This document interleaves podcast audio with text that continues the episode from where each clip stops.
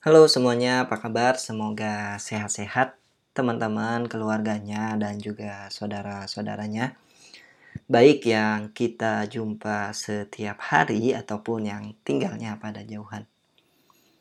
Udah lama gak bikin podcast dan hari ini saya mau sharing podcast singkat temanya tentang bagaimana cara mengasah skill atau kemampuan. Saya kepikiran tema ini ketika saya mengisi acara di salah satu kampus di kota Depok, di mana audiensnya ini adalah teman-teman kita yang baru lulus atau baru menyelesaikan pendidikan. Ketika kita lulus, biasanya akan muncul sebuah pertanyaan. Setelah lulus, mau ngapain ya?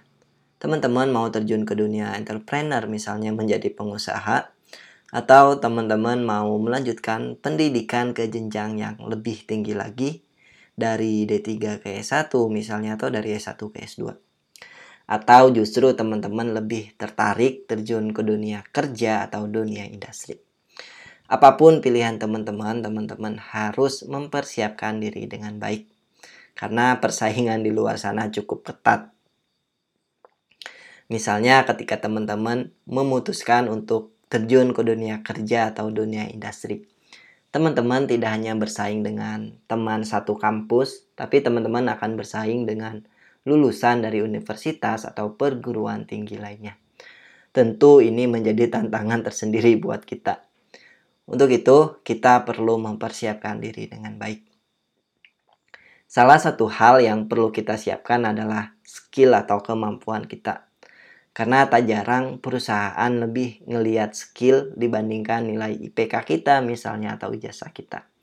Karena skill ini betul-betul dibutuhkan untuk membantu menyelesaikan masalah atau pekerjaan-pekerjaan yang ada di perusahaan. Untuk itu, kita perlu mempersiapkannya.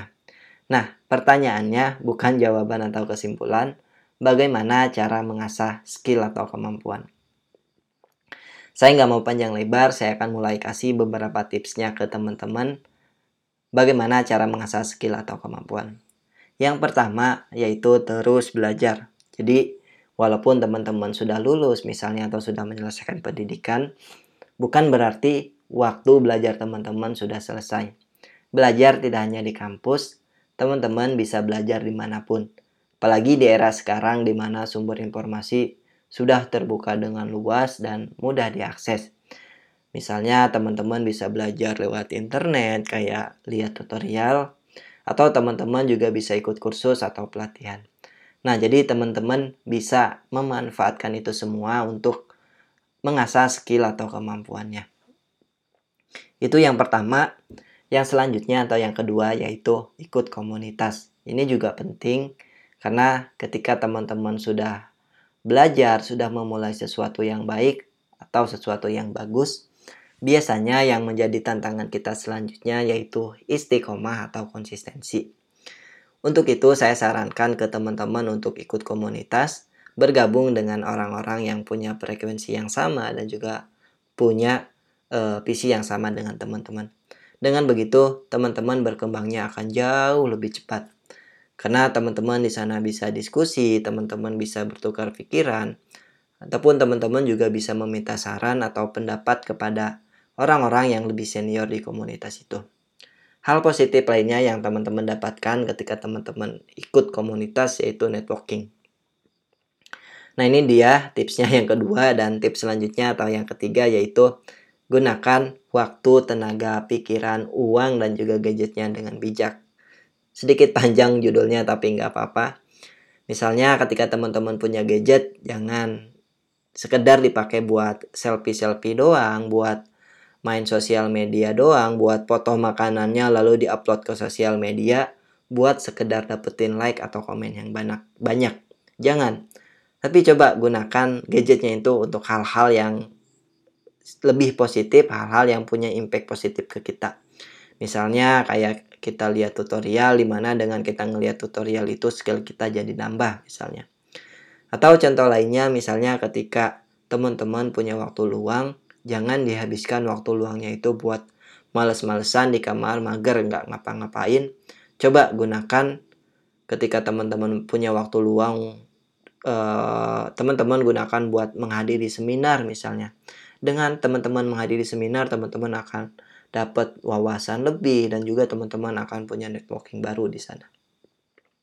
Atau contoh lainnya, ketika teman-teman punya uang lebih, coba sisihkan uangnya itu untuk hal-hal yang sifatnya positif. Jangan dihabiskan untuk hal-hal yang konsumtif, misalnya kayak teman-teman makan di restoran mahal buat sekedar dapetin spot foto yang bagus misalnya. Atau misalnya teman-teman beli barang yang teman-teman pengen tapi sebenarnya belum teman-teman butuhkan. Tapi coba gunakan uangnya itu buat kayak beli buku misalnya atau ikut kursus atau ikut pelatihan misalnya.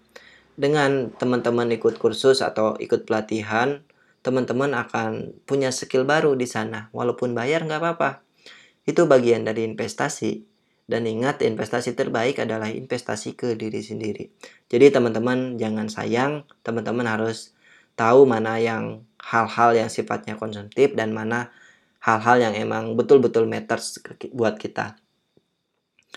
Itu dia tipsnya yang ketiga dan tips selanjutnya atau yang keempat yaitu jangan cepat puas. Jadi ketika teman-teman sudah belajar, teman-teman sudah bisa sesuatu, atau teman-teman sudah sampai di titik tertentu, teman-teman jangan puas sampai di sana. Tapi teman-teman harus terus explore, teman-teman harus terus gali kemampuannya, harus terus asah skillnya. Karena kalau teman-teman puas dengan apa yang udah teman-teman bisa, dengan apa yang udah teman-teman capai, teman-teman akan stuck. Tapi teman-teman harus terus ngerasa lapar, teman-teman harus terus ngerasa bodoh. Karena dengan teman-teman ngerasa bodoh, teman-teman akan terus belajar dan dengan teman-teman ngerasa lapar, teman-teman akan terus bekerja keras. Nah, dengan begitu teman-teman akan terus berkembang dan teman-teman akan terus maju. Ingat pepatah Steve Jobs yaitu stay foolish, die stay hungry. Nah, jadi itu dia tipsnya ada empat. Saya review sedikit. Yang pertama yaitu terus belajar. Yang kedua, ikut komunitas. Yang ketiga, gunakan waktu, tenaga, pikiran, uang, dan juga gadgetnya dengan bijak. Dan yang terakhir, jangan cepat puas. Sekali lagi, ini berdasarkan pengalaman pribadi, jadi teman-teman boleh setuju atau enggak. Kalau teman-teman punya pendapat lain, silahkan tulis di komentar. Tulis di komentar, tapi kalau teman-teman ngerasa ini bermanfaat, yuk kita bagikan biar orang lain juga ngerasain manfaatnya. Itu dia podcastnya. Sampai jumpa di podcast-podcast berikutnya. Bye-bye.